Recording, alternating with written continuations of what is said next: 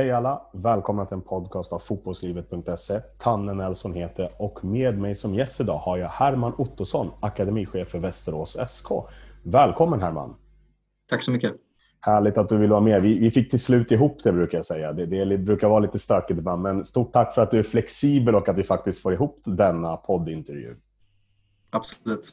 Härligt. Jag tänker så här, du kan väl börja berätta lite mer om vem Herman är? Lite privat kanske och även lite fotbollsmässigt med dina egna meriter, spelarkarriär och eh, ja, vad du gör idag egentligen. Jag kommer från eh, Blekinge. Eh, för de som inte har koll på geografin så är det ju distriktet nära Skåne och Småland intryckt på kusten. Växte upp i en liten stad som heter Sölvesborg Eh, de flesta vet inte vad Sölvesborg är heller. Kanske lite nu när vi har fått riksmedia med, med Jimmy Åkesson eh, som kommer också från Sölvesborg. Då. Eh, Mjällby AIF är väl dragskeppet i Sölvesborg som de flesta känner till i, fotbollsbranschen. Växte upp där och, började tidigt som ledare och både inom ishockey och fotboll. Gick på Sölvesborgs fotbollsgymnasie som LBAF driver eh, och fick lite tränarutbildning genom det. Och sen så började väl egentligen tränarbanan någonstans 2010 i fotbollen. Och, och sen har det bara ja, gått framåt och uppåt sen dess. Mm. Härligt. Eh, du jobbar ju som akademichef. Eh, kan du berätta lite kort om hur, hur en hyfsad normal dag kan se ut för dig? Jobbar du heltid, deltid? Hur funkar det? Ja, men just nu är, vi, är jag permitterad så jag jobbar 80 procent eh, med tanke på hur situationen har varit under året. Eh, men i vanliga fall så jobbar jag 100 procent. Eh, alltså det, det, finns väl inte jättemånga vanliga dagar eh, som akademichef utan eh, man är jag sa i någon intervju nu i Junicoach att man är lite gubben i lådan. Man dyker upp där, eh, där det behövs hjälp. Så början på året så hade vi ingen P15-tränare. Eh, då fick jag hoppa in som huvudtränare ett, par veckor. Eh, saknas det en assisterande så är jag ute på planen och, och, hjälper till. Eh, men annars så följer jag vår verksamhet regelbundet. Så att dagtid blir väl mycket planering framåt och scouting på video. Och sen kvällstid så blir det att följa träningar, följa tränare och spelare i vår verksamhet. Mm, intressant. Och kan du berätta lite mer om hur om er akademi. Från vilken ålder börjar akademin? Hur, ser, hur är truppstorlekarna? Har ni heltidsanställda tränare? Har ni deltidsanställda tränare? Kan du berätta lite mer om just er akademi? Ja, vi kan väl säga att vi har eh, halvtidsanställningar på våra huvudtränare i 19, 17 och 16. Och sen i de halvtidsanställningarna så har de också lite andra roller som koordinatorer för yngre lag eller videoanalytiker på 16 vi börjar med vår akademi från 15 eh, och akademi för oss då är att vi selekterar spelare så då behåller vi någonstans mellan 20 till 22 spelare från 15 och uppåt. Eh, före det så har vi vår 13 och 14 års verksamhet där vi inte heller har eh, föräldratränare som är ansvariga. Men där är alla fortfarande med som har spelat i VSK. Men att vi matchar på lite olika nivåer. Så att vi börjar någonstans med en liten annorlunda verksamhet från 13 och uppåt. Och sen så spetsar vi till det från 15 och, och blir lite bredare i rekryteringen också. Mm, intressant. Eh, alltid intressant att veta lite hur de olika akademierna jobbar, för det skiljer sig enormt. Eh, ert herrlag, om inte jag helt fel ute, spelar väl i Superettan? Kan det stämma? Stämmer bra. Ja, stämmer bra. Så det är intressant att veta. Eh, då tänker jag så här, det jag vill fokusera lite mer på. Jag intervjuade Thomas Hasselgren från SEF där och han berättade om ert arbete med tränarutveckling. Och jag vet att sedan något år tillbaka, om jag inte är helt fel ute, så jobbar ni med tränarutveckling, intern tränarutveckling. Kan du berätta lite mer om hur det går till? Ja, alltså man börjar från början så kom jag till eh, Västerås eh, november 2018 och egentligen från januari 2019 så har vi jobbat eh, först och främst med någonting som vi kallar uppstartsveckan där vi under ja, men precis som lärarna har en eh, studievecka innan eleverna kommer till skolan så jobbar vi eh, liknande med en vecka där vi har fem träffar eh, gånger tre timmar så att vi, vi startar året med 15 timmars gemensam tränarutveckling eller tränarutbildning vad man vill kalla det då. Ehm, där vi sätter olika ehm, riktlinjer för hur vi ska jobba tillsammans under året. Och då är det inte bara jag som står och säger att nu ska vi göra så här med vår spelidé under 2019 eller 2020. Utan då går vi igenom det som har funnits. Ehm, 2019 var ju rätt speciellt för då började vi egentligen från scratch. Det fanns inte så mycket i akademin sedan tidigare. Så de som var med under 2019 satte egentligen eh, riktlinjerna för hur akademin skulle jobba framöver. Och det vi har gjort under 2020 års uppstartsvecka det är egentligen att vi har förfinat. Man får ju in nya tränare, x antal nya tränare varje år och då är ju, kommer ju de in med sin erfarenhet och sin kunskap och kompetens och då kan vi ju utnyttja den och utveckla våra strukturer.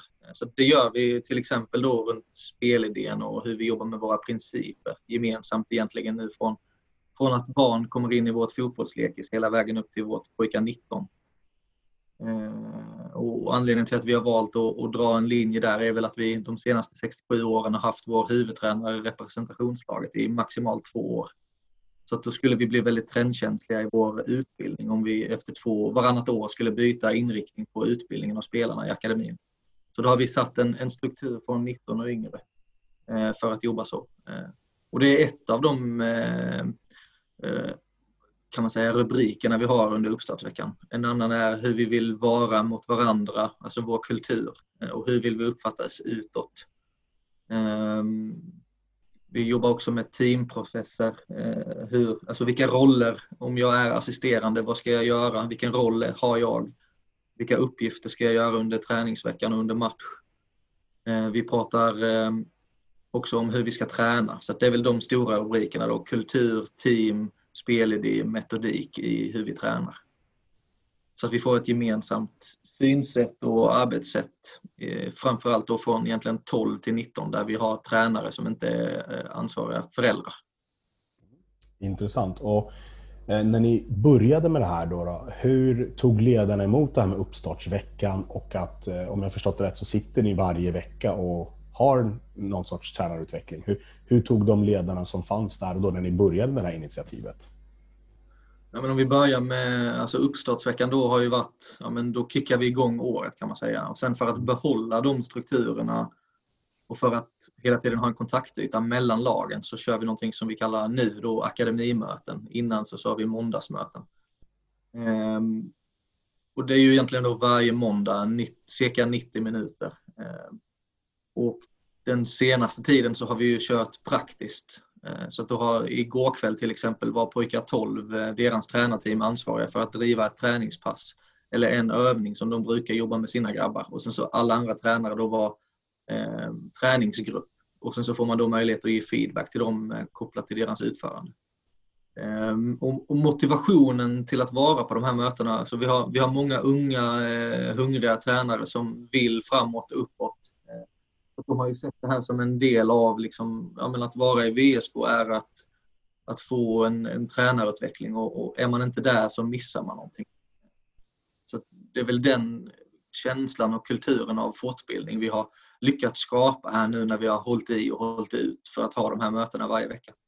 Sen är ju det, alla har ju olika förutsättningar. Eh, en del tränare kanske med varannat tillfälle. En del tränare kan inte vara med alls, men då har man i alla fall minst en eller två representanter från det laget så att man får den informationen och den fortbildningen som, som sker. Mm. Eh, du nämnde det, jag kanske inte förstod det riktigt, men ni har även med föräldratränare i de yngre lagen för att vara med på det här, eller är det bara akademitränarna som är med på det här? Ja, I dagsläget så har vi inga föräldratränare från 12 till 19, så det okay. är det spannet vi jobbar med. Okej, okay, det är det spannet ni jobbar med. Precis, och sen under det så har vi, nu har det varit lite speciellt i år, men ett, ett normalår så, så är ambitionen att ha fyra träffar för 5 mot 5 eller 3 mot 3 och 5 mot 5 spelformen och sen fyra träffar för 7 mot 7 och 9 mot 9 spelformen. Eller 7 mot 7 spelformen blir det som att 12, 13, 14 spelar 9 mot 9. Ja. Eh, då är ju min fråga, allt det här, det låter ju jätteintressant att ni tar det här egna initiativet. Vad har ni sett för eh, framsteg då, om du tar jämför från dag ett till idag? Och då tänker jag mer på strukturen, hur det har sett ut. Inte ute på fotbollsplanen, utan det här med mötena, hur de har hållits. Har det varit längre möten, har det varit kortare möten, har det varit effektivare möten? Hoppas du förstår lite vad jag menar. Ja, alltså mötena har väl skilt sig åt väldigt mycket om man tar året som exempel så ja, men då började vi med uppstartsveckan och sen så fick alla lagen sin, alltså uppgiften sen var att ha ett akademimöte där till, till exempel då P19 som började, de skulle presentera sin tolkning av uppstartsveckan. Så i P19-laget, hur ska ni jobba med att sätta kulturen? Alltså vad, utifrån glädje, ansvar och gemenskap som är våra tre värdeord. Vad betyder det i konkreta beteenden för P19? Och sen, okej, okay, vilka metoder i vår eh, spelidé ska vi lägga eh, fokus på i början? Hur ska vi träna det? Och då fick man liksom presentera sina egna tankegångar kopplat till vad vi gick igenom på uppstartsveckan. För att sen då få möjligheten att få feedback av de eh, cirka 20 tränarna som sitter och lyssnar. Och också få såklart idéer. Och en fördel av de här presentationerna, eller en stor fördel skulle jag säga, det är att vi får ju tips av varandra. Så om P17 till exempel har varit framgångsrika med en hörnvariant de sista veckorna.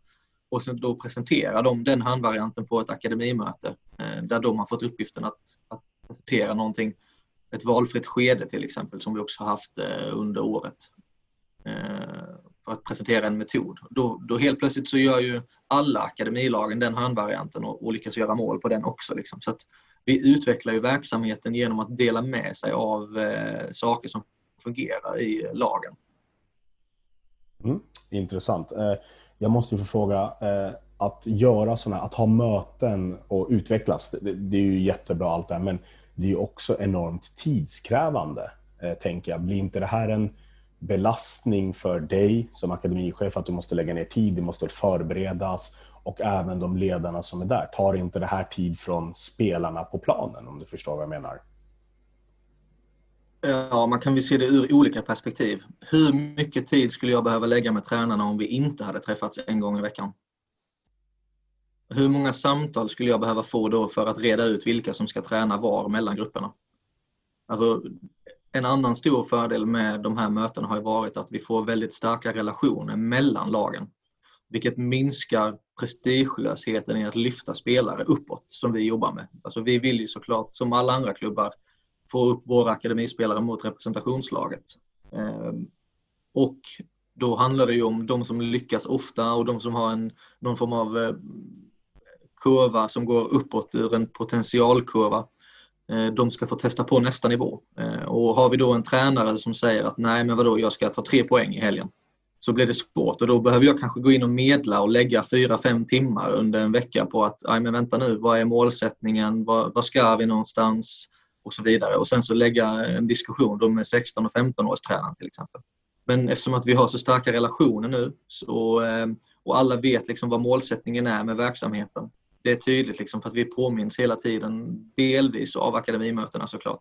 Så tror jag att jag sparar väldigt mycket arbetstimmar på den här typen av eh, frågor. Mm, intressant. Eh, du nämner lite eh, ordet relationer, att eh, ledarna i sig får starka relationer och sånt. När det har uppstått, vad ska man säga, att man har tyckt olika, hur, hur har ni löst det då? Har det, varit, har det här akademichefs, alltså akademimötena varit ett forum för att lösa sådana här frågor eller har ni behövt ta det vid sidan om och där ni bara fokuserat på utveckling på de här mötena? Både och såklart. Eh, det är inte så att vi alltid släcker bränder på våra akademimöten. Vi har liksom ett tema. Eh, men då har vi ofta, eh, ja men säg att vi, vi vill utveckla strukturen för hur vi flyttar upp spelare i träningsveckan. Ja men då kanske vår P17-tränare kommer med ett förslag och sen så kallar vi till möte med alla huvudtränare och med mig och sen så får man liksom diskutera för och nackdelar och sen så, så kommer vi fram till ett gemensamt förslag som vi sen presenterar för alla tränare det skulle kunna vara en, en subgrupp som skapas, liksom huvudtränarna i akademin till exempel, för att på något sätt utveckla en struktur. Ehm, det, det, kan också vara målvaktsgruppen som träffas med någon form av regelbundenhet som, som tar fram en idé för hur vi kan flytta målvakterna i träning och så vidare. Ehm, så att, ja, det är väl någon typ av svar på frågan, liksom att ja, det är både och. Nej, nej, jättebra svar. Jättebra svar. Jag ville bara få det lite förtydligat, så jättebra svarat.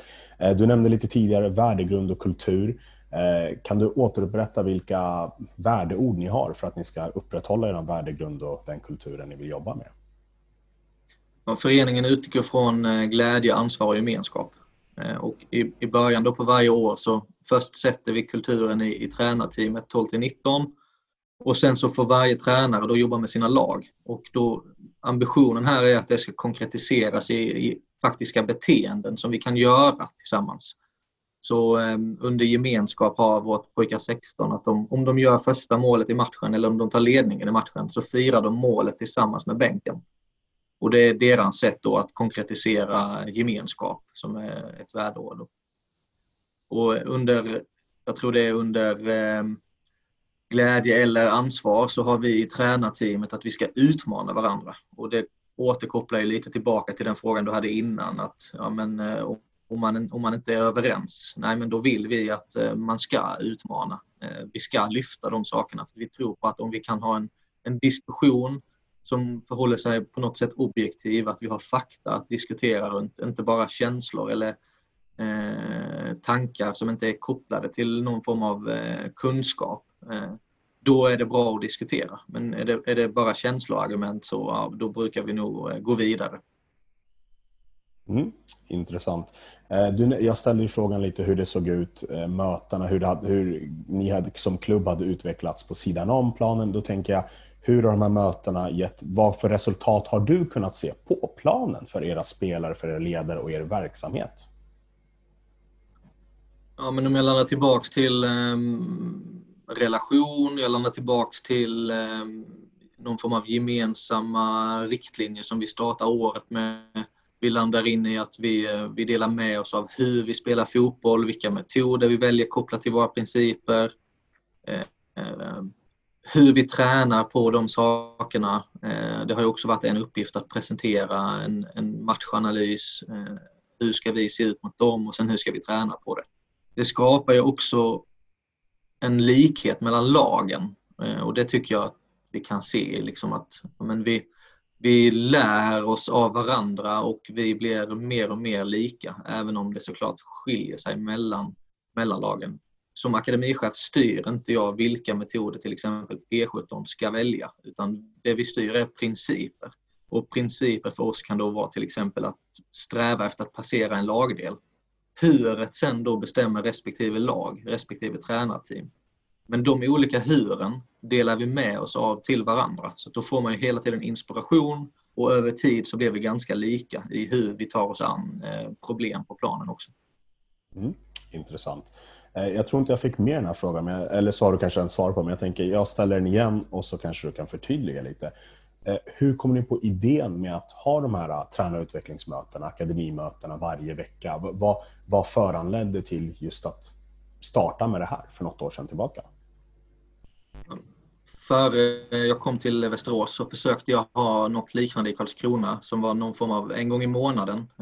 Men där var det betydligt fler föräldratränare. Jag hade några några eh, lojala personer som alltid var med. Liksom. Men då tänkte jag, ja, men om jag var tränare eh, och, eh, och jag skulle vilja vara i en miljö, liksom, vad, vad är, hur skulle jag kunna bli bättre på någonting varje vecka? Ja, men då skulle det här kunna vara en sak man kan göra, liksom, eh, att ha akademimöte där, där vi kan ta hjälp av varandra för att bli bättre. Eh, eh, eller ta hjälp av andra för att bli bättre. För med någon form av regelbundenhet så, så bjuder vi ju in gäster och så också. Mm, intressant. Och då måste jag få fråga, hur långt anser du att ni har kommit i den här, äh, vad jag skulle säga är en lång process? Hur långt har ni kommit om du jämför från när ni startade upp första gången, när du började med det här, till idag? Hur långt har ni kommit? Ja, jättebra fråga. Och då, för att på något sätt säga hur långt vi har kommit så behöver vi veta vad målet är. Ja, och det är din följdfråga. Så att du, du kan säga på den. Så att, vad är egentligen målet med de här, alltså alla de här mötena, allt det Jag är jätteintresserad för jag tycker att eh, fler klubbar borde nog anamna det här att faktiskt ha fler möten. Att, och det här, eh, jag kommer lite från skolans värld, eh, kollegiala lärande, att man lär sig och delar, delar med sig av egna erfarenheter och det här. Så att, vad är målsättningen då, då med det här? Då? Ja, men vi har ju konkretiserat fyra staplar kan man säga i, i vår målsättning och en av de staplarna är tränarutvecklingen. Eh, och det högsta steget är egentligen att, att tränare lämnar oss för en större eller bättre klubb eller akademi eller seniorverksamhet. Ehm, men det kan också vara att vi säljer tränare till nästa nivå. Eh, det är liksom, ja, men om, om vi nu ska bli eh, den bästa akademin vi kan bli så kan det vara liksom högsta steget för vår tränarutveckling. Men vi vill ju såklart också då få in tränare i vårt representationslag. Eh, det är väl de, alltså om man ska gå in på några konkreta målsättningar för tränarutvecklingen. Och så tittar vi då på vad vi har gjort under året. Det har ju såklart också med tillfälligheter att göra men Marcus Lindberg som var vår huvudtränare i pojkar 17 förra året, han fick möjligheten att vara assisterande tränare eh, under ett par månader i Superettan eh, till Thomas Gabrielsson. Vi eh, har under året också lyckats få eh, Elias Anisiadis som följde med mig från Karlskrona. Han har nu gått ifrån att vara vår assisterande i P19 till att bli assisterande i division 1 i Karlskrona. Eh, han flyttade hem på grund av lite jobbomständigheter här och sen fick han möjligheten att ta ett jobb i, i FK Karlskrona då som assisterande i division 1. Och det ser vi också som ett, ett bra eh, kvitto på att eh, är man tränare i vår verksamhet så är man aktuell för eh, division 1 assisterande uppdrag. Liksom. Sen ja, tillfälligheter och så vidare såklart. Det är ju, fotbollsbranschen är ju, det, det, spelar ingen roll kanske ibland hur bra du är. Eh, det måste vara tillfälligheter och, och tur som, som styr att du kan få ett jobb på den högsta nivån. Mm. Men våra tränare ska i alla fall vara redo när den möjligheten kommer. Intressant. Och då måste jag få frågan, hur långt har ni kommit hittills? Då? Hur långt känner du att ni har kommit? Eh, ja. Så tittar man, om man jämför med andra akademier utifrån ekonomiska förutsättningar och så vidare så har vi ju liksom lång väg att vandra om vi ska kunna konkurrera med de absolut bästa. Tänk, alltså jag hörde nu på akademichefskonferensen i veckan som, som Thomas ledde så PSV Eindhoven, de har eh, varje torsdag har de åtta timmars intern tränarutbildning för deras, jag tror det är 10 till 12 års tränare. Eh, så att, ja, vi, eh, om, om vi jämför med svenska klubbar så kanske vi ligger långt fram med våra någonstans 75 timmar per år. Men PSV Eindhoven, då de har åtta timmar i veckan på 10 till 12 års tränare. Så vi ligger långt efter Europa och, och det är väl egentligen bilden vi har generellt av svensk talangutveckling också, att vi ligger långt efter Europa. Vi ligger väldigt långt efter Danmark och eh, Norge också i dagsläget. Mm. Eh, då ska jag väl avsluta, runda av med en sista fråga. Om vi tittar lite på framtiden, vart ser du den här, eh, alltså den här kulturen med tränarutvecklingen? Vart ser du den? Vart vill du att den ska vara någonstans? Ja, men I takt med att vi får möjligheten att växa som, som akademi så ehm, ja, men förhoppningsvis så kan vi över tid få fler anställda tränare, eh, fler anställda tränare som kan jobba dagtid. Då kan vi hitta andra typer av möten där vi kanske har eh, ja, men fredag mellan eh, 8 och 10. Det är fortbildningstimmarna varje vecka. Då ska respektive tränare presentera någonting man har läst under veckan till exempel.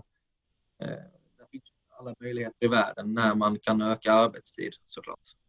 Men där är ju någon form av professionalisering som behöver ske inte bara hos oss utan såklart i, i svensk fotboll överhuvudtaget. Vi, eh, som jag sa tidigare så ligger vi rätt långt efter i anställda tränare. Det har väl varit lite fult i, i svensk idrott överlag att ha anställda tränare i, i idrotten. Så där finns ju en resa att göra att det, det faktiskt ska bli ett yrke att vara fotbollstränare. Eh, och sen då på det hitta vägar för att hela tiden hitta en ständig utveckling. Intressant. Du Herman, jag vill tacka dig jättemycket för att du vill vara med i podden och dela med dig av era tankar och hur ni som klubb arbetar och hur ni tänker och allt där. Så det har varit väldigt intressant och jag tror faktiskt att våra lyssnare kommer gilla det här också, att de får fördjupa sig lite mer i hur en akademi funkar dag, alltså dagligen. lite. Så att, eh, stort tack för att du tog dig tiden och ville vara med. Yes. Ja. Och, um, alla är ju såklart välkomna att höra av sig och vill man besöka oss och, och fundera vidare på vad vi gör så vi har inga hemligheter. Eh, jag brukar säga att vi delar med oss av allt förutom personuppgifter på spelare så det är bara att höra av sig och, och, och kolla läget. Mm. Ja, till er lyssnare, där hörde ni. Herman bjuder in er så att det är bara att kontakta honom. Jag ser till att det finns med lite kontaktuppgifter också till dig så kanske vi kan lösa. Då får ni lösa någonting bra där. Men ännu en gång, Herman, stort tack och eh, ta hand om det så får vi podda snart igenom något år och se hur långt ni har kommit då, då tänker jag utvecklingen. Okej, okay, ha det bra. Det här är en podcast av fotbollslivet.se. Tack för att ni valt att lyssna på detta avsnitt. Vi vill påminna er om att vi finns på Spotify eller i din poddspelare och ni hittar oss även på sociala medier.